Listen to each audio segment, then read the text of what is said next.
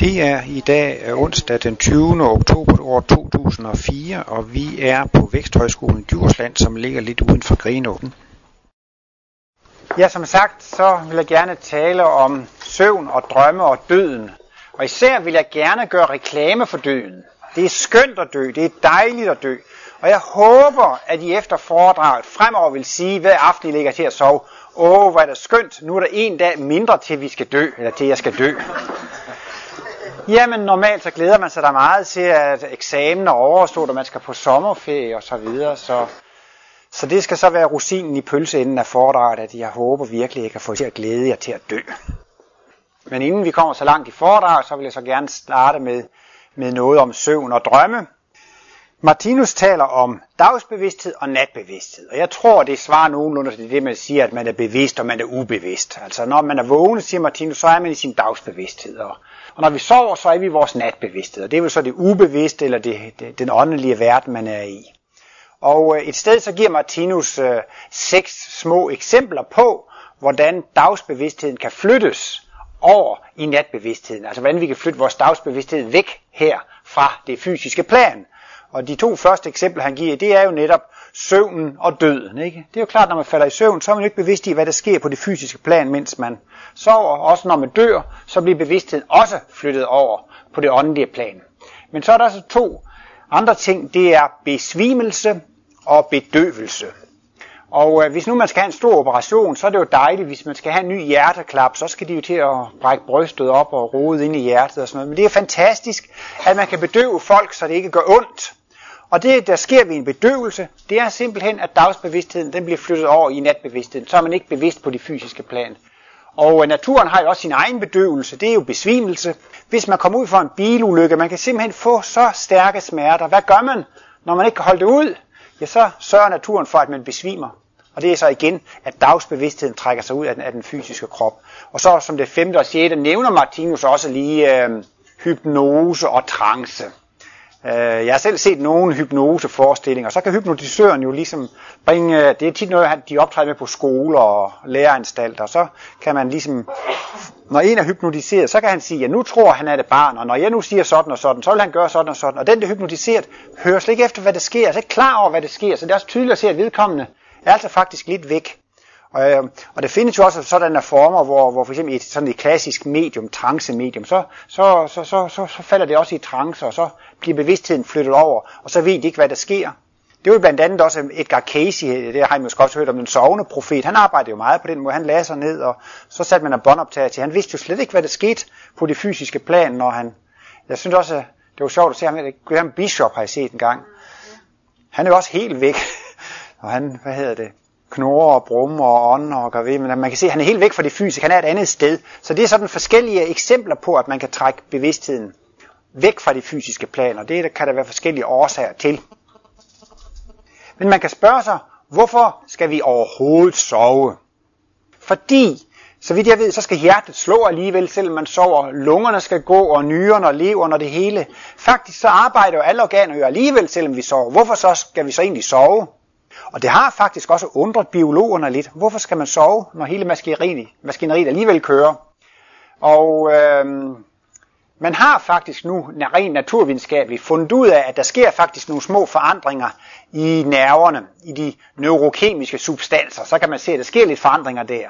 Og det er altså lige præcis det, Martinus han peger på. Han siger, vi skal sove for, at nervesystemet kan repareres. Så han peger helt entydigt på det. Det er ikke på grund af hjertet og lever og nyre og lunger. Altså vi skal simpelthen sove, fordi nervesystemet skal repareres. Og nerverne, der løber elektriske impulser igen. Der løber simpelthen en elektrisk strøm. Hvis jeg nu siger, jeg vil strække den her arm ud for at give et eksempel. Og se, så strækker jeg armen ud.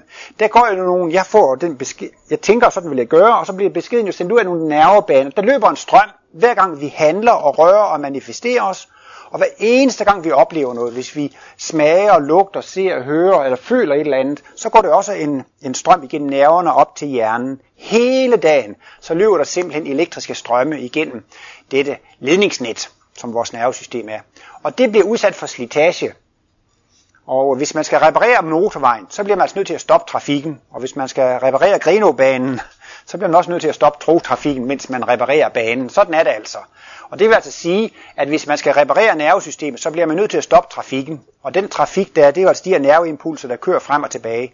Og den trafik kan man altså stoppe ved, at man falder i søvn. Når, når, når, når, når dagsbevidstheden går over på, på, på det åndelige plan over i natbevidstheden, så, så får nervesystemet fred, og så bliver det repareret. Og det er meget vigtigt, at man får repareret nervesystemet. Jeg har haft nogle venner, som faktisk har været meget langt ude, og på et tidspunkt havde de så mange problemer, de ikke kunne sove. Og det, her, det kan jeg så kun se på folk. Hvis der er nogle mennesker, de kan ikke sove mere end et-to timer om natten, fordi de er nervøse og kan ikke sove, så går der altså ikke ret mange uger eller måneder, før de faktisk er helt nedbrudte, og der er tætte på et nervesammenbrud. Ikke? Altså det, det er virkelig slemt, hvis man ikke øh, kan sove. Så derfor er det virkelig værd at, at, at værne om sin søvn. Og øh, man kan sige altså, at vækkeuger er egentlig et onde. Vækkeuger, det er ikke er det gode. Nej, fordi altså, naturen har jo sin egen gang, ikke sandt? Og hvis det går fuldstændig naturligt, ikke sandt? Og det er ovenikøbet, det er den bedste, det er den mest optimale søvn. Det er simpelthen, at man lægger sig til at sove, så sover man i et samlet stræk. Og måske eventuelt også lige frem uden at kunne huske, at man har drømt eller noget. Og så vågner man bare om morgenen af sig selv, når man er veludvilet. Men hvis man bruger et vækkeur, så er det jo tegn på, at man ikke er færdig med at sove. Og det er faktisk så er det unaturligt, så er det faktisk skadeligt at bruge, bruge, bruge vækkeur, fordi man bliver vækket, før nervesystemet er, er udbedret. Så derfor gælder det om at undgå vækkeure. Men der er selvfølgelig nogle ting, man skal møde til til tiden, så derfor må anbefalingen så være at gå tidligere i seng, så man ikke behøver. Det kan også godt være nogle mennesker, som har arbejdet 20, 30, 40 år på den samme arbejdsplads, og de vågner de stiller vækkeur klokken 6 hver morgen. Til sidst behøver de simpelthen ikke stille vækkeur. De vågner uanset hvad. De vågner bare klokken 6. Og så er det også ligegyldigt, om det er lørdag eller søndag, eller de er været til fest, eller hvad. Bum, de vågner klokken 6. Og det, det behøver ikke at betyde, at de er udsovet. Det kan være, når man har plaget sig selv med et vækkeur til et bestemt klokkeslæt i tilrækkeligt mange år, så vågner man alligevel også, uanset om man er udvilet eller ej.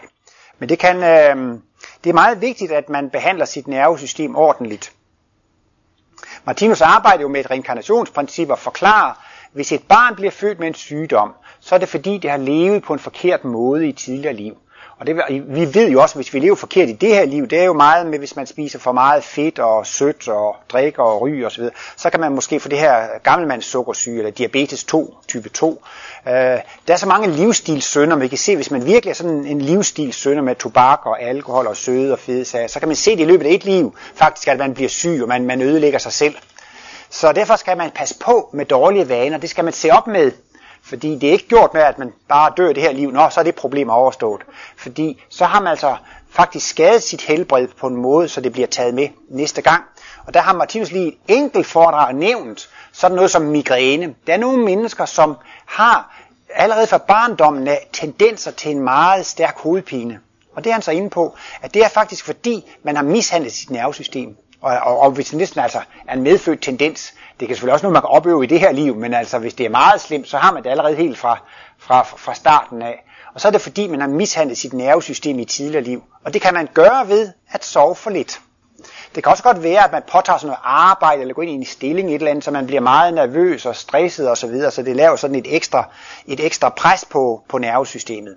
Så det gælder om at få den søvn, man skal have. Han har til gengæld også været inde på, at man også kan sove for meget, man kan sove for længe. Og det kender jeg selv til, fordi der er tit så jeg sagt, nu er det søndag, nu skal jeg sove rigtig længe, og så bliver jeg liggende i sengen. Men så ender det, og det er ikke fordi jeg har været til fest, men, altså, men så ender det faktisk med, at jeg får hovedpine alligevel. Jeg ved ikke, om I kender, altså, hvis man lægger til at sove om dagen, eller sover alt for lang tid. Jeg ved ikke, hvordan Martinus forklarer det ikke så detaljeret. Han siger bare, at det er ligesom om, at nervesystemet bliver lidt forvokset. Altså det kan også hvile for længe. Så, så, så det er sådan set ikke godt at sove for lidt, men det er altså heller ikke godt at sove for længe. Så det skal man sådan prøve at... Så jeg er jo blevet helt hysterisk med det, hvis jeg skal med bus eller tog eller fly. Nej, det er for tidligt, det er for tidligt, det forstyrrer min skønhedssøvn. Det må være lidt senere. Og i virkeligheden er det altså faktisk jo også øh, ødelæggende for folk at have skifteholdsarbejde. Det gør man jo, hvis man køber en stor og dyr maskine eller ovn eller et eller andet. Så skal den køre døgnet rundt, ikke? Og så skal de stakler, der arbejder, der arbejder på skift, ikke? Men der er selvfølgelig også mange ting i samfundet, som skal holdes ved lige nat og dag og så videre. Men det er faktisk ikke godt at arbejde skifteholdsarbejde. Der er nogle systemer med, at man arbejder tre dage om morgenen, tre dage om eftermiddagen, og tre dage om natten, og så tre dage fri, ikke? Og så kører de sådan en cyklus 10, 20, 30 år. Og når de så bliver gamle og skal til at nyde deres opium, nej, til at nyde deres otium, når de skal til at nyde deres pension, så kan de faktisk ikke sove, fordi at de har fået det sådan. Det kan da også godt være meget strengt, for eksempel hvis det er hvis det er en, en, øh, nogle forældre eller en mor, der får et kolikbarn, eller måske får flere kolikbørn, ikke sandt, og børnene græder osv., det kan jo også være meget, øh, meget anstrengende og faktisk meget nedbrydende, hvis, hvis man bliver vækket gang på gang på gang på gang, og så det er virkelig noget, man skal passe på med, og jeg vil jo faktisk sige, at altså folk de kan få nervesammenbrud, hvis de kommer ind i en eller anden tilstand, hvor de ikke kan sove. Hvis de ikke kan sove mere end en-to timer eller sådan noget, det holder man altså ikke til i, i, i det lange løb. Så derfor skal man faktisk uh, værne om sit søvntalent. Man har altså nogle vaner fra naturen af, og det tager meget lang tid at ødelægge dem. Men hvis man bliver ved og bliver ved og bliver ved og bliver ved, så kan man altså ødelægge sine medfødte øh, talenter. Jeg ved i hvert fald fra mig selv af, hvis jeg sover for lidt, og stresser for meget, og har for meget arbejde, bang, så får jeg hovedpine. Og det er klart, jamen det er altså så simpelthen mishandling af sit nervesystem, ikke sandt? Fordi at man har for meget fart på, man har for meget arbejde, og så får man oven købet ikke repareret nervesystemet ordentligt. Og så er jeg så også periode for, når det nu, så bliver man jo lidt for træt, så skal man lige have lidt ekstra kaffe, man skal lige have lidt ekstra speed og lidt kage osv. Så, så, så får man lidt energi igen, men resultatet bliver så bare, at, at så bliver man endnu mere træt bagefter. Og øh, det er nu ikke fordi, jeg er nogen helgen selv, men altså man kan godt sige, at altså, det er ikke godt med kaffe og sort te for, for søvnen. Det virker altså forstyrrende ind med det her, øh, hvad hedder det, øh, koffein og tein og sådan noget. Jeg hørte en gang i radioen, det var sådan en forbrugerudsendelse, vi bruger også øh, stolesæder, vi bruger også tandpasta, hvad var det, de sagde til sådan noget. Og så var der en morgen, det, de kom med cola, og øh, der er jo også øh, koffein i cola. Og der sagde de lige frem i den udsendelse, at hvis børn i den tid, de skal vokse, der har man sådan et væksthormon. Hvis de får noget, der svarer til 10 cola eller 10 kopper kaffe eller sådan noget, hvis de får så meget hver dag, så begynder det at gå ud over deres væksthormon, og de vil kunne faktisk få lidt misvækst ved det. Og det skyldtes, at de ikke fik nok af den dybe søvn. Så har de været på søvnlaboratoriet, så har man set, at når man drikker koffein, man kan måske godt nok sove, men man får ikke nok af den dybe søvn. Og det er så netop under den dybe søvn, der var noget med, at det der væksthormon blev, blev afsondret. Men der er også nogen, jeg har hørt om nogen, der arbejder på plejehjem, så siger de gamle der, ja, jeg bliver nødt til at få en kop kaffe, inden jeg skal i seng, ellers kan jeg ikke sove. Jeg ved ikke, hvad man skal forklare sådan noget, men altså, der er jo nogen, de drikker så meget, at de bliver sådan en vane. Men selvom man sover, så vil jeg så alligevel ud fra den radioudsendelse, jeg hørte der, eller den der, våge at påstå, at søvnen altså ikke er så god en kvalitet, hvis man får koffein og tein, fordi jeg havde engang en kammerat fra Sverige, han havde tre ting, som han anbefalede for at få en god søvn. Det var lige tre enkle ting, det er ikke fordi det er særlig gørende. Jeg synes bare, det var sjovt, han sagde det. Hvis man vil lære at sove godt, så gælder det om at få et og få motion.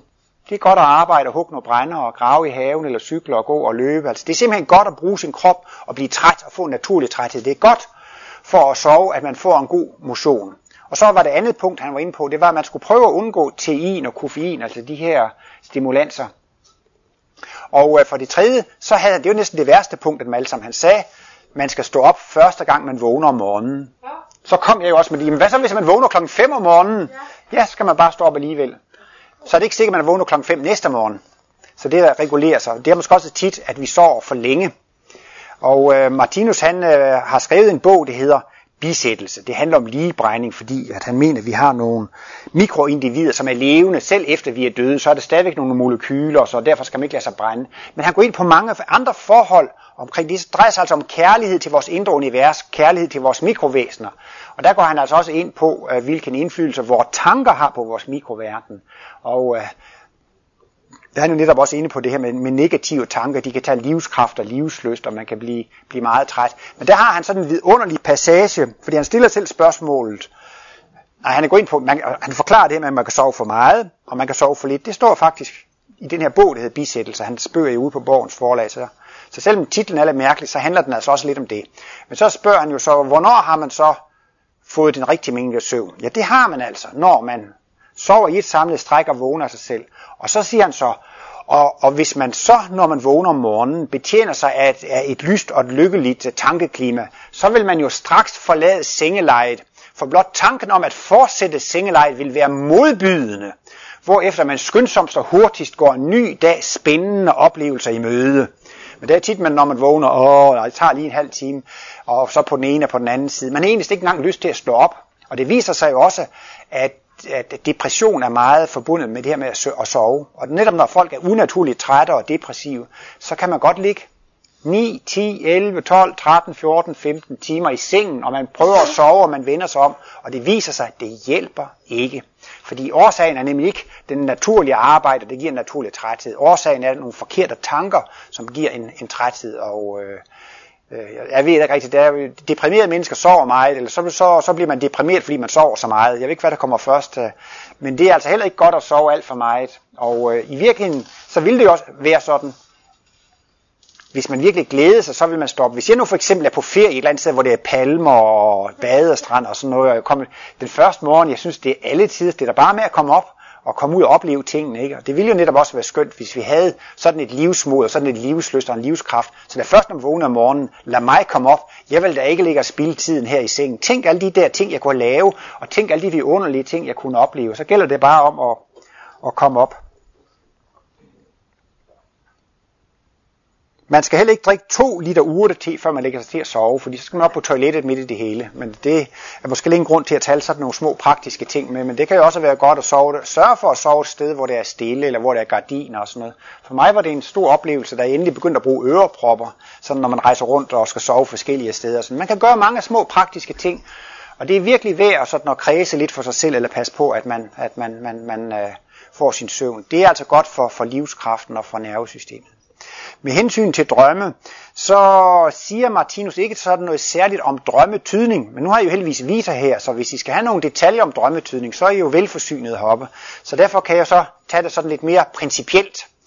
Og øh, Martinus taler jo netop om, at der er to verdener. Der er jo altså den her fysiske verden, hvor vi har vores dagsbevidsthed, og så er det natbevidstheden. Så der er to helt adskilte verdener. Og Martinus mener i øvrigt, at når vi sover for eksempel 8 timer, så oplever vi noget hele tiden, alle 8 timer. Men der er jo en moderne drømmeforskning, som har fundet ud af, at vi har en søvncyklus på et par timer eller halvanden time. Det er sådan lidt individuelt. Og der kan man se, at der er forskellige faser. Nu er det dyb søvn og knap så dyb søvn. Og så er det også den her berømte fase, hvor man bevæger øjnene hurtigt. Rapid Eye Movement, altså REM-perioden eller REM-søvnen. Og så har søvnforskerne fundet ud af, at hvis man vækker en person i den der REM-periode, så kan de altid fortælle om, hvad de drømmer. Og så er der nogle gange, hvis man vækker dem i de andre perioder, så kan de ikke fortælle noget om det. Så derfor mener drømmeforskningerne, eller søvnforskerne, at man drømmer kun i den der REM-periode. Men Martinus siger, at man oplever noget hele tiden.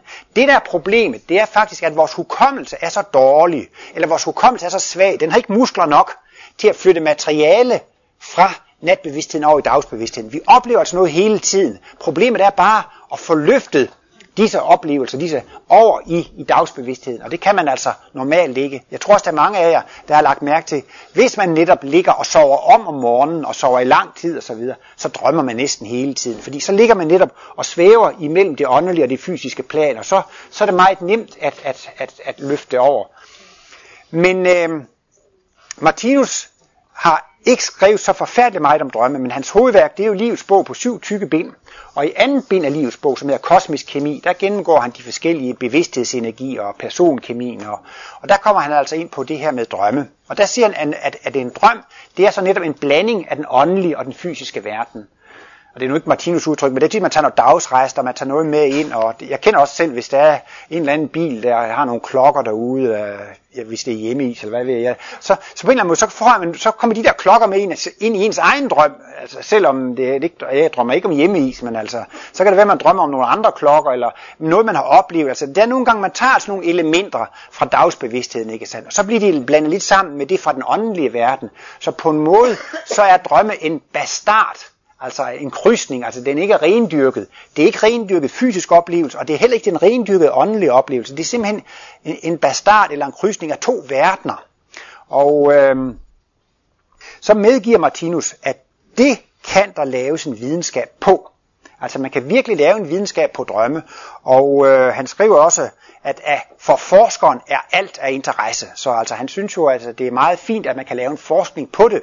Men han mener faktisk, at det ikke er nødvendigt for alle samtlige mennesker, at de skal studere drømmetydning osv. Altså vi kan sige, vi er i et udviklingsforløb, som skal ende med, at vi bliver fuldkommende kærlige mennesker, vi får kosmisk bevidsthed. Så det er ikke et absolut must, at alle skal igennem det. Og den der sætning er jeg simpelthen så glad for, den der, det hedder, for forskerne er alt interesse. Og i Martinus Center, så bliver jeg nogle gange taget i at sidde og læse i Anders Sandbladet eller Ekstrabladet eller et eller andet. Så kommer de og siger, nej, kan sådan en høj foredragsholder læse sådan noget litteratur der? Ja, siger jeg, for forskeren er alt af interesse. Så det er min standard undskyldning, når jeg bliver taget i. Men altså, jeg vil også sige, selvom man går ind og ser en kæmpe dårlig film, ikke sandt? Et eller andet sted hen, så er det alligevel interessant at se, hvor dårligt man kan lave det, og, og hvor, jamen altså, hvordan man kan lave det dårligt, eller altså, for forskerne, for forskerne er det der interesse at se, hvad er det, de laver, hvad, hvad er det, de sysler med, hvad, hvad er det, de gør. Så det er, det er sådan en, en sætning, som jeg husker særlig godt. For forskerne er alt interesse. Så kan man gå ind og se de dårligste film og gøre hvad som helst. Folk, de, jeg er jo forsker, ikke sandt? Så jeg undersøger de her emner. Men Martinus nævner, der findes noget, han kalder for klardrømme. Og en klardrøm, det er en drøm, hvor man har været i stand til at tage ren materiale fra den åndelige verden med over i den fysiske verden. Og det hører sådan lidt til, til undtagelserne. Men han mener også, at han bruger det også som bevis for den åndelige verdens eksistens. Hvis nu man kun har set sorte kraver, så er det en, der påstår, at der findes også hvide kraver. Der findes også hvide kraver. Det tror man ikke på. Men hvis man så bare en gang ser en hvid krave, så, mener, så er det jo bevist, at der findes hvide kraver. Og på samme måde så mener jeg altså også, at man kan sige, jamen har man en gang haft en klar drøm, hvor man tager ren åndelig materie med over i den fysiske verden, ikke? jamen så er det også et bevis for, at den åndelige verden eksisterer, ikke sandt? Og de klare drømme kan eksistere, kan jo forme sig på mange forskellige måder. Jeg kender ikke alle de eksempler, men man har hørt om sådan nogle eksempler. For eksempel, at der er en kvinde i USA, hun drømmer om, at hendes søn i Vietnam er i livsfare. Altså, og, og det er hun helt sikker på. Og så viser det sig også senere, når en uge efter det bliver kontakt, at det er jo fuldstændig rigtigt, det hun har drømt. Nogle de kan drømme om noget, der vil ske i fremtiden, noget, der er sket i fortiden, eller der findes mange eksempler på, at der er nogen, der har drømt fuldstændig krystalklart, og det, altså rent praktisk, og, og, og det stemmer. Men det, jeg synes, der er det mest interessante ved at lave en kobling mellem Martinus verdensbillede og drømmene, det er jo, at i hvert fald i den moderne drømmetydning, så er det sådan, at al, alt i drømmen, det er mit eget univers. Altså jeg kan godt drømme om en, en, en venlig tante og en, og en øh, ej cheferhund og, og en sur onkel og så videre. Men altså, sådan som de bliver tolket, så bliver det altid tolket, at den side har du i din bevidsthed. Altså du, den der cheferhund, det er fordi du er noget aggressiv og noget vred, eller den der gnavende onkel, det har du også. Så det er lidt interessant, altså så den måde man tolker drømmen på, det er, alt det du drømmer, det er dit univers. Din drøm fortæller simpelthen om dig, ikke sandt? Og så er det jo faktisk lidt sjovt, at Martinus siger om den fysiske virkelighed, næsten det samme, det er også en drøm. Fordi takket være skæbneloven og karmaloven, så bliver den ydre verden simpelthen et spejlbillede af mig selv. Simpelthen alt, hvad jeg oplever derude, det, det er mig. Det viser noget om mig, ikke? Og det er jo så klart, at hvis der er nogen, der er rare og venlige ved mig, jamen så har jeg jo fortjent den karma, så har jeg også noget rart og noget venligt i mig, ikke? Og hvis der er nogen, der er sure og vrede på mig just nu, jamen så har jeg også selv været sur og vred, har også den side i mig, så jeg synes, det er interessant, at på en måde, så skulle man også tolke virkeligheden på samme måde, som man tolker drømmene. Og det er jo netop det, Martinus siger, der er ikke noget som helst tilfældigt i livet. Alt, hvad vi oplever, det har altså en meddelelse, det har en, en besked til en.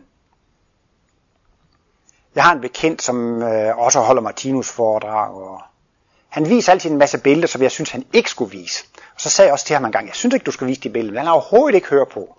Men så en dag, så skulle han også vise alle sine billeder og så videre. Og så skete katastrofen, der var ingen pære. Og så blev han bare meget sur på arrangøren over, at det ikke var nogen pære. Men jeg ville jo have tolket det på den måde. Tak for beskeden. Jeg skal altså ikke vise de der billeder. Jeg havde også for nylig en eller anden med, en jeg arbejdede sammen med. Han ville til at ændre på mit arbejde og lave om på det, og han sad og rodede ved sin computer. Men så slog lynet ned ude i Lyngby. Nå, men det, han, så gik han bare ind på Martinus Institut og arbejdede videre derinde. Altså, jeg ville jo have tolket det som sådan noget. Altså, hvis lynet slog ned i min computer, når jeg var ved at skrive noget, så tænkte jeg, det kan da godt være, at jeg skal holde op med det her og lave noget andet, fordi at, øh, så var Gustav blevet sur på en. Nej. men øh, uanset hvad, så må man sige, altså alt det, man oplever derude i den ydre verden, det er livets direkte tale til en. Og Martinus mener jo altså, at, øh, at alle mennesker er udsat for livets direkte tale. Og det er altså forsynet eller guddom, som taler til en med det formål at undervise en, så man kan blive, blive fuldkommen. Livets direkte tale, det er udtryk for undervisning og opdragelse. Og vi får altså en undervisning og en opdragelse i form af alle de problemer og modgang og besværligheder osv. Der får vi lov til at opleve konsekvensen af vores egne handlinger. Og det her med skæbne og karma, det er ikke noget, vi oplever, fordi vi skal straffes. Det er bare fordi, vi skal selv få lov til at føle, hvordan det føles, det vi har gjort mod andre. Så det er et meget fint og i virkeligheden et kærligt pædagogisk princip, at vi får lov til at opleve, jeg der sårede mange af mine venner, og så kommer de og siger, du skulle bare vide, hvor du sårede mig, da du sagde det der, det der. Nå, jamen det mente jeg da ikke, det var da ikke noget, jeg tror slet ikke, du oplevede det sådan. Nej, det er tit, vi er simpelthen ikke bevidste i, hvordan andre, andre oplever det, vi siger og gør. Og derfor er det jo simpelthen alle tider med skæbnen og karma, man kan få lov til at, at, at opleve det. Så jeg tror også nok, jeg har kørt den en gang før, op den med frimærke, men vi tager den lige en blitzudgave. Jeg fik et frimærke, som ikke var stemplet, og så brugte jeg frimærket igen. Så gik der tre uger, og så fik jeg strafporto. Man kan sige, at det, der, det er to fuldstændig uafhængige hændelser i mit liv, og der var tre uger imellem. Normalt vil man ikke koble dem sammen, men så, kan, så kobler jeg dem sammen. Ikke? Så, så oplever jeg livet af levende. Ikke? Livet, livet taler til mig. Og jeg har også den med kærestehistorien. Jeg var ved at have gang i noget med en ny kæreste, men hun ville ikke skrive til mig. Og det gik tre uger også. Og så til sidst stoppede jeg op. Hvad er det livet vil lære mig? Jeg blev sur og vred og aggressiv. Og det var mange kedelige følelser. Indtil jeg kom til at tænke på, hvad vil livet lære mig? Jeg vil gerne have et brev. Jamen det kan være, at livet vil lære, at jeg også skal skrive brev til andre. At jeg skal glæde andre med et brev. Så tænkte jeg, ja min ekskæreste, hun vil blive glad for, hvis jeg skrev et brev til hende. Så skrev jeg et brev til hende. Og så var det 10 minutter. Så ringede jeg telefonen, og så var det hende den ny der fra Sverige, der ringede. Ikke? Jamen altså, jeg synes, det var da utroligt. Jeg har ventet i tre uger, og det sker ingenting. Og jeg troede, der skulle komme et brev. Så da jeg ligesom forstod, hvad der var livet, prøve på, nu går du vente og vente på et brev. Ja, der var også, jeg er også øh, kemi- og fysiklærer, og så, så, så skulle jeg min cykel reparere, det var skide dyrt, og så duede det alligevel ikke, så tænkte jeg også, jeg blev simpelthen så sur på den cykelhandler der, fordi han tog så mange penge og ikke kunne gøre det ordentligt. Så jeg kom til at tænke på men herregud, du har selv været totalt uforberedt i dine kemitimer her på det sidste, ikke? Du passer jo ikke dit eget arbejde ordentligt. Jamen så er det også naturligt, at man får lov til at, at komme i kontakt med andre, som heller ikke passer deres arbejde ordentligt. Altså sådan, sådan stemmer det hele tiden, og sådan oplever jeg i hvert fald mere og mere. Det kan minder måske også lidt om at tage varsler af livet eller tolke, men altså, det er virkelig værd at være opmærksom på alt det, livet taler til en. Ikke? Så livet er et spejlbillede af en selv, som jeg kan sige, jeg lever i et stort ydre univers, men den del af universet, jeg kommer i kontakt med, det er altså, det er mit eget univers, det er et billede af mig. Og så er det altså det samme med drømmen, ikke? Min drøm, det er mit univers, og alt hvad der er i min drøm, det siger noget om mig. Også selvom det enkelte er forskellige personer derude, ligesom her i den fysiske verden, jamen det, det har ikke noget med mig at gøre, det er Preben og så videre. Jamen altså, eller i drømmen, nej, det har ikke noget med mig at gøre, det er jo min onkel. Men altså, det har noget med en at gøre alt sammen, fordi både drømmen og virkeligheden, det er et spejlbillede af en selv, og man kan lære en hel masse af det. Og det er så måske også derfor, at Martinus på en måde lægger mere vægt på, at man bliver opmærksom på det, der sker i den ydre fysiske verden, end at grave i de underbevidste eller, eller i de ubevidste. Man kan få meget information ud af det. Jeg plejer selv at bruge den her analogi. Hvis nu man sidder i en skoleklasse, og så modtager man undervisning, så kan man høre, hov, der er jo også undervisning inde ved siden af. Og der vil jeg så sammenligne den skoleklasse, hvor man selv sidder i, det er den fysiske verden. Og den der skoleklasse der ved siden af, den vil jeg sammenligne med det ubevidste, eller det underbevidste, eller den åndelige verden. Man kan godt lige, hov, der sagde han et par sætninger, og man synes, det er så utrolig interessant at høre, hvad der foregår inde i klassen ved siden af. Man lærer ikke bare ret, ret man får ikke fat i ret meget af det. Men hvis man virkelig forstod, det er undervisning i det her lokale, det kan også godt være nogle gange, at, at eleverne de ikke opdaget, at lærerne kom ind i klassen, så de render rundt og smider kridt og papirkugler på hinanden og far rundt og sådan noget. Men hvis de bliver opmærksom på, hov, læreren er kommet, hov, læreren er allerede i gang, så begynder de at høre efter. Men der er jo mange, der ser den fysiske verden som et absurd teater. Og det er jo det, det højeste inde på universitetet i de naturvidenskabelige fag. Alt er baseret på mutationer. Alt er baseret på tilfældighed. Livet er, det vil sige, mennesker er ikke klar over, at lærerne er kommet ind i klasseværelset, og at lærerne er i gang med at undervise. Man opfatter ikke det fysiske liv, som vi går i livets skole, og guddommen er simpelthen læreren, og undervisning pågår hele tiden. Og lige så snart man begynder at blive opmærksom på dette, at livet underviser mig, altså guddommen eller forsynet underviser mig, så begynder man at kunne tage imod undervisningen. Og netop fordi, at vi, vi, vi er jo ikke engle, der lever i den åndelige verden. Vi er kommet fra planteriet og dyreriet. Vi har nogle meget tunge, bestandte kroppe her i den fysiske verden. Så det er altså faktisk her, vi kan lære mest. Men hvis vi ikke ved, hvad vi vil undervise, så lærer vi jo ikke øh, ret meget. Men det er jo klart, at, at der er måske mange under oplysninger, man ikke kan få, så kan det måske også godt være udmærket med noget drømmetydning, eller clairvoyance, eller trance, eller altså man på forskellige måder graver i det underbevidste eller ubevidste, og kan få noget op, som man normalt ikke ville kunne få op. Men, men bare sådan som hovedregel kan man sige, Martinus han anbefaler, at man koncentrerer sig på den fysiske verden, og begynder at lære og blive opmærksom på det.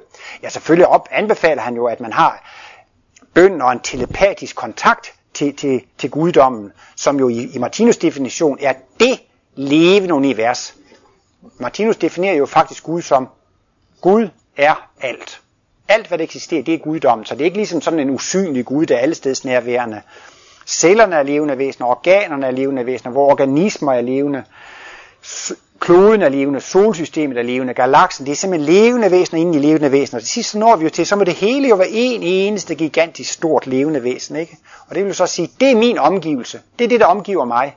Når det, der omgiver mig, er et levende væsen, så bliver al livsoplevelse en vekselvirkning mellem to levende væsener. Det er totalvæsenet, helhedsvæsenet, og så mig. Fordi omgivelsen, det er jo, det er jo totalt væsen, universvæsen, og det er det, Martinus han lægger meget vægt på, at man begynder at dyrke. Også det, at man skal have et personligt gudsforhold. Efterhånden vil menneskene udvikle sig til, at de behøver ikke præster og paver og, og, og guruer og mellemmænd og så videre. Så det, det, det bliver faktisk det, at man skal til at udvikle sit eget personlige forhold til hele universet, til guddommen, til den der omgivelse. Og det er jo så det, Martinus især, man kan sige, man kan også gå i behandling og terapi og så videre. Det er udmærket alt sammen, men man kommer alligevel ikke udenom i den sidste ende, at guddommen er den største terapeut af alle. Og det gælder om at lære, hvordan man kan spørge guddommen op i sin bøn, og, og, og hvordan man kan begynde at få signaler og, og tolke det osv. Så, så, men eftersom I også får så meget mere om drømme her, så tror jeg, at jeg vil gå lidt videre.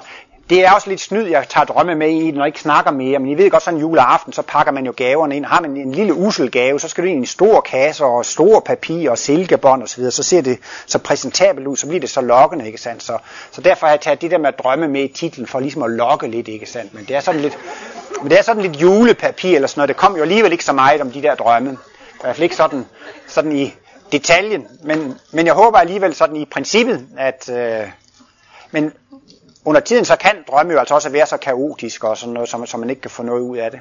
Martinus sagde, det behøvede man ikke lægge vægt på, men i hans dødsbo, der har man nu alligevel fundet to papirer, hvor han har skrevet nogle drømme ned, han har haft. Og så siger han jo alligevel, jamen hvis man har haft en meget klar og tydelig drøm, så må det også have haft en mening. Og så synes han sådan set også, så kan man da tage vare på det, fordi det må da være en mening med, at man har en meget stærk og jeg har lagt mærke til, jo mere jeg anbefaler, at man ikke skal lægge mærke til sine drømme, jo mere begynder jeg selv at lægge mærke til mine drømme. Jeg har sagt det så mange gange for dig, det behøver man ikke at hæfte sig ved, så, videre. så ender det bare med, at jeg selv hæfter mig mere og mere ved det. Ja, men øh, så vil jeg så også gå lidt over til det tredje emne med døden. Og Martinus har skrevet en dejlig lille øh, bog, altså det er nærmest en stor artikel, som hedder Gennem dødens port, men den har undertitlen altså med noget med, at det er søvnen, der er dødens lillebror. Altså Martinus ser så mange paralleller imellem søvnen og døden. Altså det, det er altså søvnen, det er dødens lillebror. Men det er jo så, det der taler om, det er, man er her på det fysiske plan, og så flytter man bevidstheden over på det åndelige plan. Det gør man både når man falder i søvn og når man dør. I virkeligheden er det faktisk den samme proces, man er udsat for, når man falder i søvn. Det er faktisk det samme som at dø. Men der er jo selvfølgelig den store forskel på det, at når man vågner om morgenen, så vender man tilbage til den samme krop, som man var i dagen før. Men når man dør, så kommer man altså ikke mere tilbage til den krop. Så skal man altså inkarnere i en ny krop, så det er selvfølgelig en meget stor forskel. Men i virkeligheden, så er der altså ikke den store forskel på det, og, og man øh, lever der i den, øh, den åndelige verden.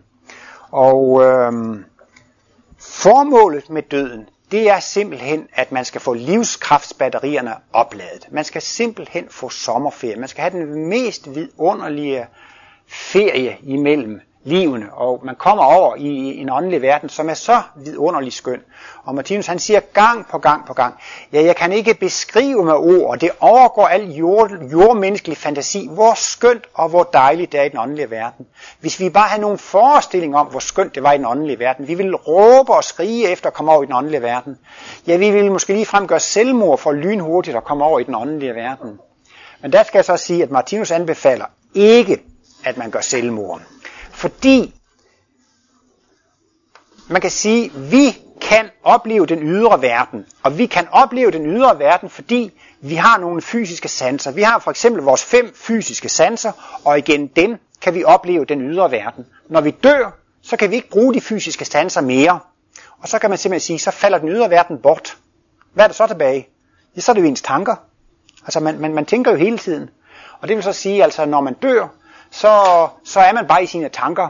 Og på den måde kan man måske også sige, at døden, det er livets største overraskelse.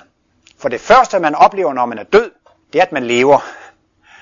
Altså, ja, ja for lige sådan her, man er død, man er simpelthen i de samme tanker, og Martinus har jo også skitseret, hvordan, hvordan, det, har, hvordan det har været klærvoyant og sådan noget, som har været med ved, slag, ved, ved, ved, ved, ved, altså ved krige på slagfelterne, at der kan være nogle soldater, de er i skyttegraven, så går de op af skyttegraven, og så styrer de det frem og angriber fjenden. Og så er der nogen, de, de bliver simpelthen skudt, mens de løber op der, ikke? Men det opdager de ikke. Og så de klærvoyante, de kan se, de fortsætter simpelthen med at storme fremad. Altså i deres tanker, de fatter ikke, at de har fået den kugle, og at kroppen ligger på jorden. De fatter det simpelthen ikke. De fortsætter bare med at løbe, og det kan man normalt ikke se. Jeg har også hørt en, en historie engang, hvis nok i forbindelse med de der atombomber, der var en skoleklasse, der var på vej til skole, så kom bomben, de blev slået ihjel, men der, kunne man lige, der var en, der kunne se, de fortsatte bare med at gå. Altså, de, de fattede ikke, at de var døde, fordi man går i de her tanker, og så, så fortsætter man. Og der er det så, at der er nogle skytsengle, som kan hjælpe en. Og der siger Martinus typisk, at hvis nu det er en soldat, som ikke kan forstå, at han er død eller sådan noget, så kan skytsenglene materialisere i åndelig tankematerie, at nu er det et feltlasseret, og det er Røde Kors, og det er læger og sygeplejersker. Så begynder de måske at fatte, nå, må jeg er såret, eller, eller hvad der er galt, og så videre. Så på en eller anden måde, så, så anstrenger skytsenglen sig for ligesom at, at, at hjælpe dem frem til den der situation. Men uh, for lige at netop vende tilbage til, til, til selvmorderne, så må man jo gå ud fra, at en selvmorder har mørke, negative tanker før selvmordet. Og så gør man selvmord, og så er den fysiske verden væk. Men man har de samme tanker efter. Og det er faktisk værre, fordi der er en meget formidlende omstændighed ved den fysiske verden. Vi kan være udsat for, at der er folk, der smiler, der er måske lige frem nogen, der griner, solen skinner, blomsterne er skønne. Man kan faktisk få meget lys og opmundring ind udefra, fordi at solen skinner, og det, det er dejligt. Og... Men i det øjeblik, man har gjort selvmord, så er den ydre verden borte. Så kan man på en måde sige, det der før var den indre verden, altså det der var tankeverden, det er nu blevet den ydre verden. Det vil sige, den verden, man lever den, den ydre verden, man lever i, det er ens egen tankeverden. Og hvis man så dør med grå og mørke og sorte tanker, så lever man i en grå og en mørk og en sort verden. Man lever i en meget trist verden. Det vil simpelthen sige, at man bliver overladt til at opleve sine egne tanker. Og det kan være en meget trist øh, oplevelse, og det kan være en forfærdelig oplevelse. Og øh, det kan for eksempel, det kan, det, lad os nu tage et eksempel. Det er en mand, som har gjort selvmord. Han elsker sin kone højt, men hun er blevet træt af ham, hun kan ikke holde det ud mere, og hun vil skilles, og hun har fået den anden kæreste, og da hun så insisterer på, at hun vil skilles og så vil manden ikke mere, og så gør han selvmord. Ikke? Han, altså, men han er simpelthen så forbitret over, at konen har svigtet ham osv., og, så videre, og så går han og ældre i de der tanker, og så dør han. Men det, det, det, hjælper, det forandrer ikke noget. Han bliver ved med at gå ældre i de samme tanker. Han bliver ved med at gå og tænke på, det kunne hun altså ikke være bekendt. Tænk, hun kunne behandle mig sådan, og jeg, som har været så god ved hende, og så gjorde hun alligevel det der. Og så bliver man ved og ved. Og det siger Martinus, det kan blive en meget ubehagelig øh, tid. Og det er lidt sjovt, at i, i den katolske tid talte man så meget om skærsilden. Altså, det var den der forfærdelige zone, der opstod lige efter døden. De, ja, I kender jo godt den der med, når pengene i kisten klinger, straks sjælen ud af skærsilden springer. De brugte jo sådan lidt til, at folk skulle købe afladsbreve, og de skulle betale. Så kunne de betale sig fri af den der skærsild, den der helvede zone. Øh, så det var en smart måde, sådan en lille pengemaskine der, at man kunne slippe for skærsilden, hvis man betalte til kirken. Men det var altså ikke helt, helt ude i skoven, det der med skærsilden. Det ligger noget reelt i det, og det reelle, der ligger i det, det er det, at man får den skærsild, som man selv skaber. Og Martinus siger helt konkret, hvis det drejer sig om skærsild, hvis man tror, man er en sønder, som, og man ved, man er en sønder, og man skal komme til helvede, og man skal riste sig over en sagdil og flammer osv., så kommer man også til at opleve det, når man dør. Fordi man, man tror selv, det er det. Så, så, sådan ender det, og så, så kommer man til at opleve det. Så derfor, men altså, det er et af de steder, der giver Martinus altså ikke tidsangivelse. Jeg ved det ikke. Men altså, jeg kan godt, hvis man bare skulle sammenligne med med sig selv. Der var også engang en af mine bedste kammerater, han snuppede ind den pige, jeg var meget forelsket i. Jeg tror, det tog mig 5, 7, 10 år, altså faktisk før det var ved at være ude af systemet. Ikke? Så har jeg nogle gange tænkt på, jamen hvorfor skulle det ikke også kunne næsten tage lige så lang tid over på den anden side? Men det ved jeg ikke, men altså, men man skal selvfølgelig også videre og have sommerferie, men altså hvis det, hvis det er et meget, meget slemt mentalt fængsel, altså nogle tanker, man kan blive ved med, så kan det måske godt gentage sig et par år eller fem eller sådan noget. Men Martinus han er meget forsigtig med sådan nogle tidsangivelser. Men han mener i hvert fald, at man er omtrent lige så lang tid i den åndelige verden, som i den fysiske verden, som hovedregel. At man skal jo dø, fordi man skal have den her sommerferie, og man skal ud af denne, denne tilstand. Og der står skytsengle parat til at hjælpe en og surere en, så man kan komme ud af dette mørke, det der mørke tankeklima. Og jeg ved, der er selvfølgelig også mange af de her nærdødsoplevelser, altså folk, som har været klinisk døde osv. Der er også mange af dem, som kan berette om, at de faktisk har mødt en skytsengel over på den anden side. De, de, de, de føler, de møder et væsen med en utrolig kærlighed og godhed, og det kan være en helt fantastisk oplevelse. Men mange af de mennesker, som er sure og bitre og vrede og utilfredse, så kommer der også skytsengler og vil hjælpe dem. Og især, det kan også godt være, at man er meget vred og brutal, så væk med jer. Det kan jeg selv finde ud af. Ikke have noget med dem at gøre, eller man lukker sig helt inde. Så det vil sige, selvom de er nok så høje og så kærlige, hvis man ikke selv er indstillet på hjælp, så kan de ikke hjælpe. Og det kender man måske også fra nogle venner af. Man kan have nogle, en god ven, som har et problem, men hvis vedkommende ikke vil hjælpes, så er det næsten ligegyldigt, hvad man siger og hvad man gør. Men Martinus garanterer, at lige så snart man på det åndelige plan ønsker at få hjælp, så kan skytsenglene komme til, og så får man altså også hjælp med det samme. Jeg læste engang en bog om en mand i England, som døde, og han var jo sådan en rigtig kontormand, han tog bussen og kørte på arbejde hver dag, men nu døde han altså. Men det fattede han heller ikke rigtigt, så ifølge, så ifølge den der bog, så fortsatte han med at køre i bus om morgenen. Men efterhånden fandt han ud af, at de var ligeglade med, om han havde billetten eller ej, så han begyndte sådan at fatte lidt mistanke. Det var, det var da noget mærkeligt noget. For alle de andre viste billetten, til sidst behøver han ikke vise billet mere. Og så en dag, så opdagede han, at det var så med en anden en, som heller ikke viste billet. Og så snakkede, så snakkede han jo så til den anden der, der ikke viste billet. Så sagde vedkommende, jamen ja, din skytsengel. Jeg er kommet for at hente dig, så nu tager vi afsted. Nej, nej, nej, sagde man, vi skal vente til næste stoppested med at stå af. så det viser bare, at, at, at altså, man kan blive holdt i lang tid i en jordbunden tænkning, inden det går op for en, man, man, man er død og så videre. Men altså, man vil få hjælp. Og specielt kan man så sige, den livsindstilling, man har, før man dør, er meget afgørende for, hvor stor eller hvor lang skærsildszonen bliver. Hvis man skulle tage som sådan rent perspektiv, så kan man sige, at dyrene har næsten ingen skærsildszoner. Primitive indianer og junglemennesker og sådan noget, de lever så instinktivt og så meget i harmoni med naturen, at de er også meget nemt ved at dø. Jeg kunne så godt lide den der film med Dustin Hoffman, en god, en god dag at dø på. Så tager han, jeg ved ikke om han var blevet nogen af 80 år, så tager han så og går ud i skoven og lægger sig på sådan en måtte for at dø og sådan noget. Så begyndte det at regne lidt, og det falder på regndråber på hans øjenlåg der. Så, så fandt hun ud af, at det ikke var så god en dag at dø på alligevel. Og så gik han hen og blev 117 år. Men, øh, men øh, det jeg nævner det for, det var bare, altså, det er nogle af de der mennesker, de har altså sådan lidt mere naturligt forhold til døden, og, og, så, og så, så, så, så, så går det meget nemt.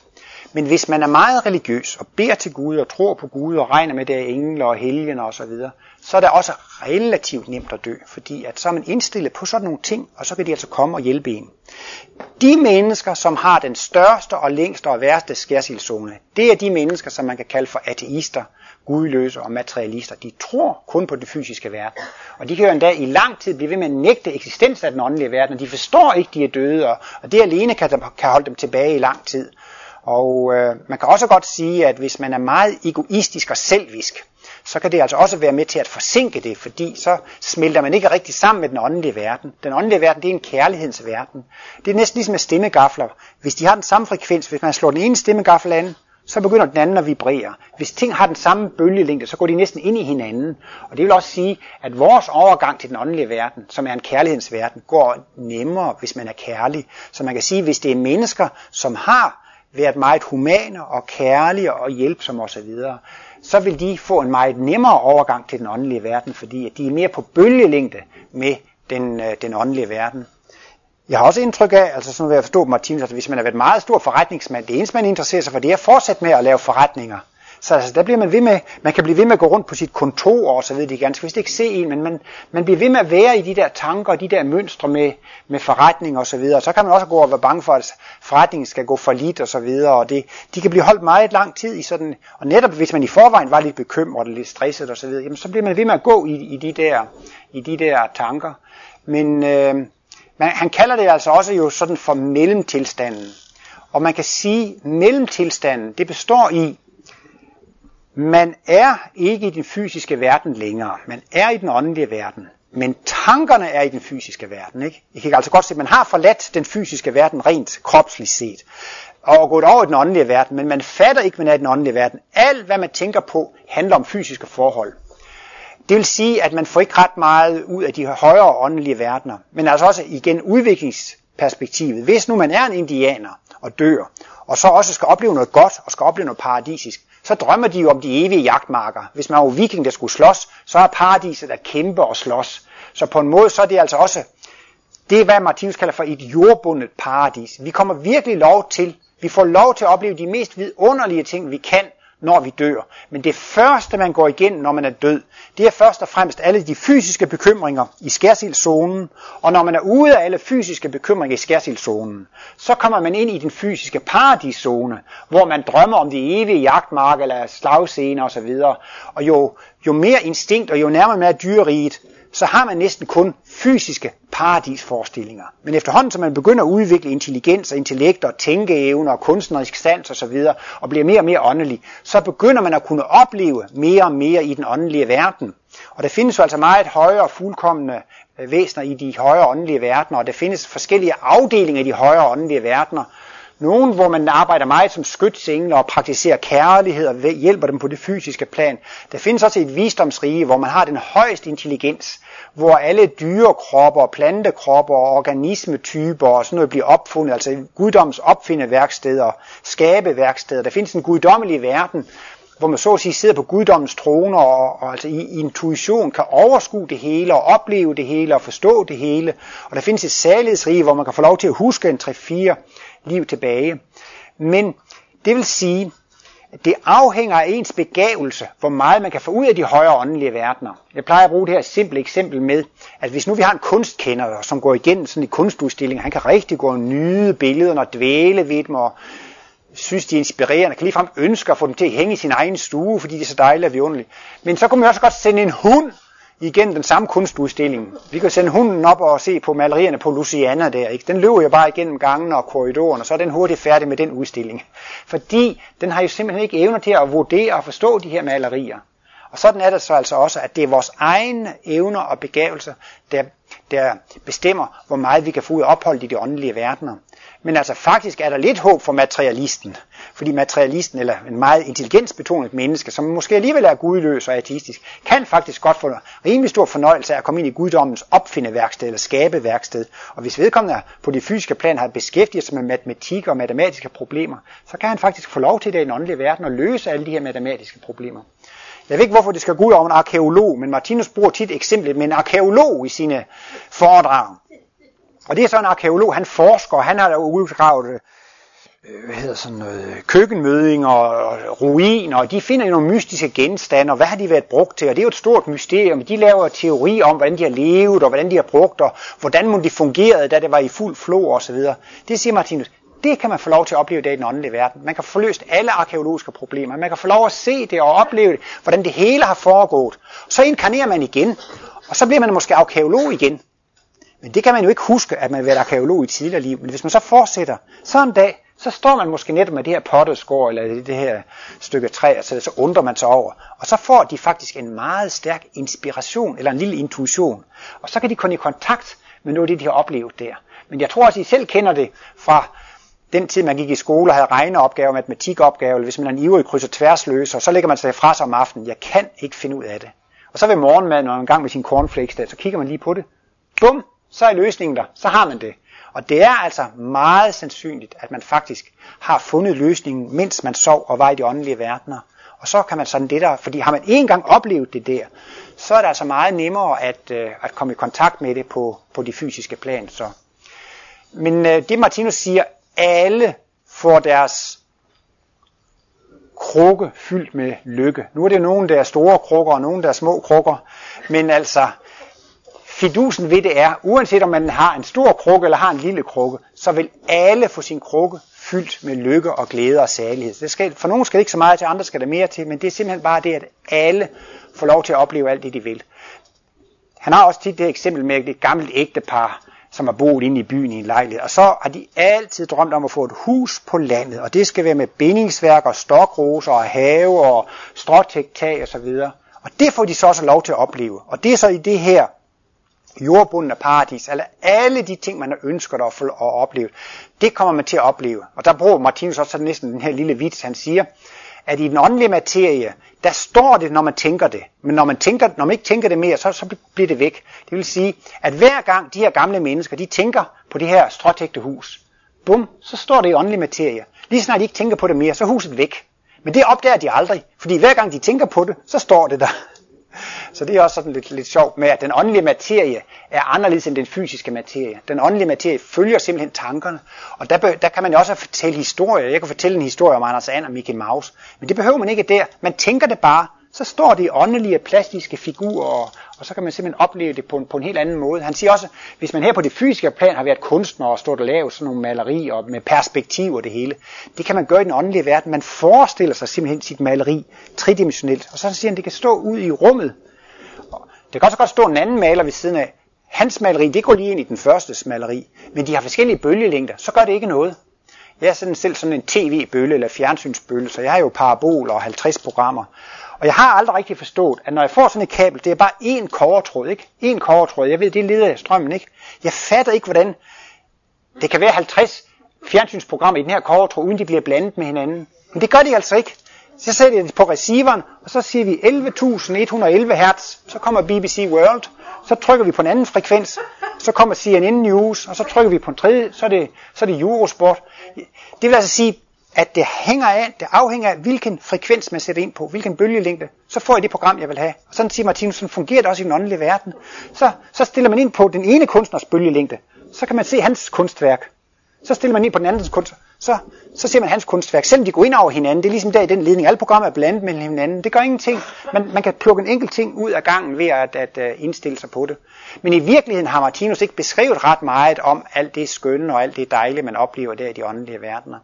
Men det er i hvert fald helt sikkert, at det er et sted, hvor man får opladet livskraftbatterierne. Og det er altså mest at sammenligne med, med sommerferie. Han siger i øvrigt også, at disse skytsengle, de skal forberede en for at komme ind i de rigtige åndelige verdener. Fordi når man er ude af alt det her jordbundne, altså både jordbundne paradisforestillinger og frygtforestillinger, så kommer man ind i en reel ny åndelig verden. Og så kan man få lov til at ligesom at Altså, så, så kommer man ind i en åndelig verden, hvor man oplever den som, som en helt ny verden, så det ikke beror på, hvad man tænker, men der kan man simpelthen få nye oplevelser og opleve noget i, i den åndelige verden. Men vi kan jo ikke have, at man går af fjender og uvenner i den åndelige verden. Det må jo væk. Og derfor siger han, at skytsenglene kan ligesom tage en lidt under behandling. Han siger, at de kan bortsuggerere alle dyriske tendenser. De kan lamme alle dyriske tendenser. På en eller anden måde, så kan altså ens egoisme og had og alt sådan noget, det kan ligesom blive lagt på is, lagt på køl. Altså, det bliver lammet. Øh, han bruger simpelthen ordet bortsuggereret. Man kan bortsuggerere, fordi det ville jo ikke være et paradis, hvis man kunne blive ved med at gå og skændes og have problemer og så videre. Så det er rigtigt. Løven går ved siden af lammet i paradiset. Det er ikke noget med, at løven spiser lammet i paradiset. Alle de der tendenser, de er lammet bort, så det bliver altså virkelig en, en vidunderlig øh, sommerferie. Og som sagt, omtrent lige så lang tid på det åndelige plan som på det fysiske plan. Det kan dog godt være kortere, kortere på det åndelige plan. Hvis man er dyr eller meget primitiv, så går det meget hurtigere.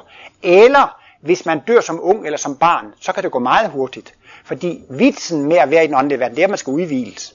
Altså det kan jo være, at der er en gammel mand, han er 90 år, og han er så træt og slæber sig afsted, ikke sandt? Næste gang han reinkarnerer, så er det en lille fræk dreng, det er ikke til at styre på syv tynde land, som er fyldt af livskraft, og han hopper og springer over det hele.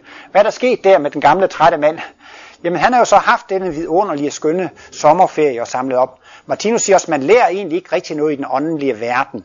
Altså man kan ikke lære af sine fejl i den åndelige verden. Det er ikke sådan, at øh, når, når man, man føler ingen smerte og lidelse, så kan man ikke udvikle sin medfølelse og sin medlidenhed.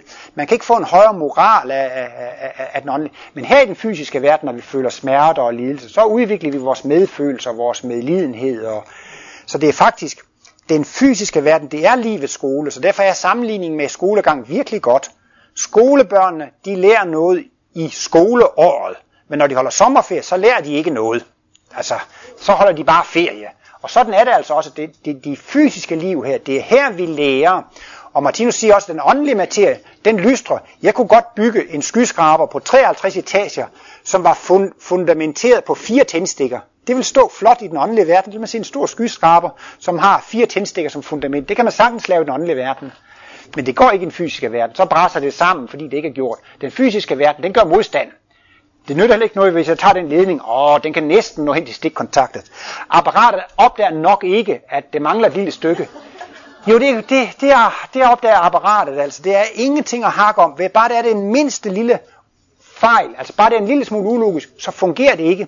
Så det fysiske liv, det er altså ubenhørligt. Det skal være logisk, før det fungerer. Og er det ikke logisk, så bliver det kaos. Og, og, så derfor kan man sige, altså, på, på et vist plan, så kan man altså kun lære eller udvikle sig i, i, i den øh, i fysiske verden. Man kan selvfølgelig godt få nogle åndelige nye oplevelser, men det er ikke fordi, man bliver mere talentfuld, mere genial, eller mere kærlig eller human af at få den der sommerferie. Det er her i den fysiske verden, hvor man øh, udvikler sig. Øh, I den her artikel om i, i, gennem dødens port har Martinus også lige skitseret, hvordan det er at dø i fire forskellige aldre. Hvis man dør som barn, så er det faktisk også uden skærsild. Man har jo lige været i den åndelige verden, og det, det, børnene får faktisk ikke nogen lidelse ved at dø. De bliver modtaget af skytsengle, som er gode pædagoger eller eventyrfortællere, eventyrforfattere, og det bliver taget godt af børnene. Så det, så det er faktisk slet ikke så trist eller så tragisk for børn at dø. De har meget nemt ved at gå over i den åndelige verden. Det er straks værre at dø, hvis man er ung. Altså, det er jo så mange soldater, der blev dræbt, da de var 18-19 år. Jeg ved, det er også mange på motorcykler og biler. Og, så.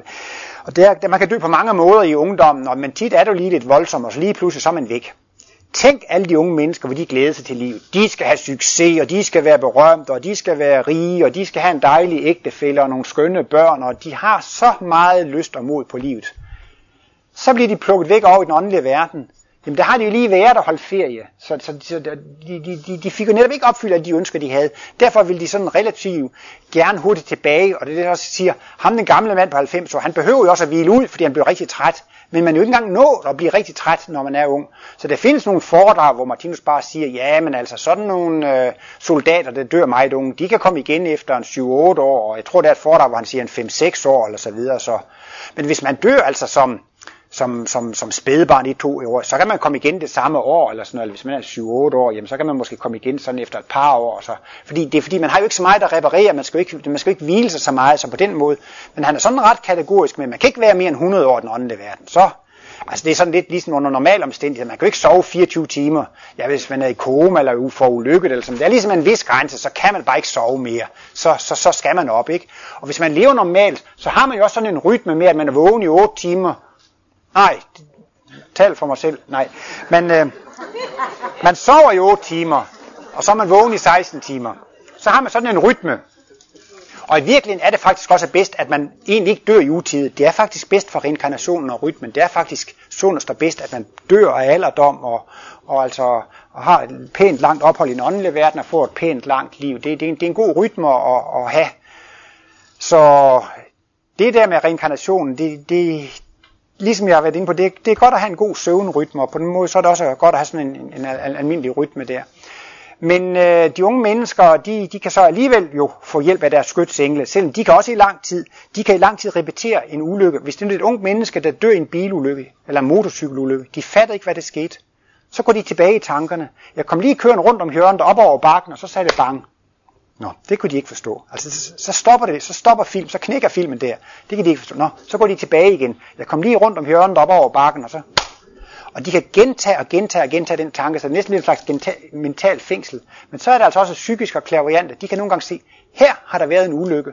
Og det er faktisk fordi, de næsten har opmagnetiseret den åndelige atmosfære ved, at de har gentaget og gentaget og gentaget den tanke. Så det sidste, så begynder det lige frem at komme jo, hvad skal man sige, et helt konkret energimønster, så, så, så andre, som er følsomme for den slags energi, kan se, at der har været en, en ulykke der på et tidspunkt. Og så skriver han også om det her med at dø i sin manddom, og det er især i det kapitel, han kommer ind på, at, øh, at det, det er altså faktisk dejligt og skønt at dø, og hvis man er human og kærlig og venlig og hjælpsom. Men hvis man oven i købet er åndelig indstillet, og ligesom er indstillet på, at der er skytsengler, man kan få hjælp osv., så, videre, så kan det være umådeligt let at dø. Og jeg vil også sige, at hvis man er indstillet på reinkarnation, så er man ikke engang bange for at dø, så kan det altså blive, blive, blive meget dejligt at dø. Men i virkeligheden, så er det altså godt at blive gammel. Og øh, fordi så kan man få lov efterhånden som man bliver gammel, så kan man ikke arbejde så meget, man er ikke så aktiv, og man sidder sådan lidt mere i lænestolen, og man begynder at blade i barndomsalbummet og, og så videre. Men i virkeligheden, så får man lov til at fordøje sit liv. Søren Kierkegaard siger, at livet leves forlæns, men forstås baglæns. Og jo ældre man bliver, jamen, vi har oplevet så meget i vores liv, vi har ikke trukket alle konklusioner ud af det. Vi har, ikke, vi har ikke kunnet bedømme det, vi har ikke forstået det endnu. Og tit har vi ikke engang tid til at tænke tilbage på, hvad vi har oplevet. Derfor er det virkelig sundt og godt at få en alderdom, hvor man har tid til at tænke tilbage og kan vurdere alt, hvad man har oplevet. Og altså, man får faktisk også mere ud af sit liv, fordi at man får ligesom det hele sat på plads. Og man får konklusionerne og, og får et overblik over det. Og øh, så er det jo så også, hvis man så er interesseret i, i, øh, i øh, åndsvidenskaben osv., så, videre, så kan man også begynde at forstå og se en mening i det. Og øh, Martinus han har jo sådan et, øh, et godt råd, når det drejer sig om, hvordan man skal lære at falde i søvn på en god måde og lære at dø på en god måde. Det er, at man skal lære at få den rigtige indstilling til livet. Og hvad er så det at have den rigtige indstilling til livet? Det er faktisk at forstå, der er mig og resten af universet. Det er altså helhedsvæsen, der er universvæsenet. Det er guddommen. Alt det, jeg har oplevet i mit liv, det er et samtale med guddommen. Og formålet med den samtale er selvfølgelig kærlighed og underholdning, men det er også, at jeg skal udvikle mig, jeg skal forvandles fra at være et egoistisk dyr til at blive et humant og kærligt kristusvæsen projektet med hele den fysiske verden er at forvandle os til gode væsener. Så må man sige, jamen det er da et vidunderligt projekt. Det er bare nogle gange, at undervisningen og opdragelsen i livets skole, den er ubehagelig. Den kan være lidt ubehagelig. Og så er det jo netop, vi synes, og så synes vi også nogle gange, det er hans skyld, og det er hendes skyld, og det er deres skyld, at det er de andres skyld, at jeg har de her problemer. Og så får man negativ tænkning og unaturlig træthed. Martyrtanker, det, det er de værste tanker, man kan have, fordi de giver sådan en negativ tænkning. Men det, det, det kender man jo sikkert også det her, det er altså folk, som har problemer. Tit er det på grund af offertænkning og martyrtænkning. Stakkels mig, og hvad er det synd for mig? Og det kender jeg også til, jeg er fisk, så jeg er særlig god til det selv. Man skal jo helst kunne snakke af erfaring, når man holder foredrag. Men man kan begynde at bearbejde sit liv, og så kan man se, alt, hvad jeg har oplevet i mit liv, det har været en fordel for mig. Og specielt hvis man er gammel, så kan man være glad for alle fortrædelige problemer. Tænk, hvilket forfærdeligt ægteskab jeg havde. Det var dengang, vi smed frikadeller i hovedet på hinanden. Og det var helt forfærdeligt dengang, men man kan grine og synes, det er sjovt og herligt. Man kan få perspektiv på det. Og det gælder jo om, der findes også en spansk sang, spansk sprogsang, der hedder Jeg takker livet, men jeg takker livet. Og øh, jeg kender ikke sådan, jeg kan bare forstå, de, sangen handler om nogle ting, man har oplevet i livet, og nogle genvordigheder. Men hver eneste gang kommer det i refrænget men jeg takker livet. Og det er den rigtige indstilling. Og det sagde Martinus, det er godt, hvis man kan gøre det hver aften, inden man lægger sig til at sove. Takke for alt, hvad man har oplevet i dagens løb. Det er godt at takke for alt det dejlige og behagelige, man oplever. Det er måske en banalitet, men det er en mental hygiejnisk god foranstaltning at være taknemmelig for alt det behagelige, man oplever i dagen. Og så er det altså helt suverænt, hvis man kan takke for alle modgange og problemer fordi man forstår, det er livets pædagogik, som skaber mig om til at blive et medfølende og medlidende væsen, et humant og et kærligt væsen. Jeg takker mine fjender, fordi de har været mine gode lærere, og virkeligheden er de ikke mine fjender. De er celler i guddommens krop, og virkeligheden er vi jo et, et med det samme levende univers. Så man kan komme til at, at, at, at, at være taknemmelig for, hvad man oplevede i dagen, i dagens løb, og samtidig på samme måde, helt parallelt med, kan man også, når man bliver gammel, være taknemmelig for alt det, man har oplevet i livet. Ikke?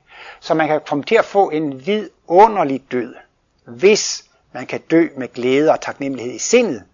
Men netop også, det kender jeg også med at sove, hvis man har mange bekymringer, især hvis man har en konflikt der er i gang, så ligger man og tænker på, næste gang han siger det, så skal jeg svare det, og hvis han siger det, så gør jeg det, og, og så kan man simpelthen ikke falde i søvn, fordi man har gang i det her fjendskab. Så det gælder om at lære at tilgive alt og alle, og forstå, at alt er en fordel for mig. Det er ikke alt sammen lige behageligt, men det er alligevel en, en, en, en, en fordel for mig.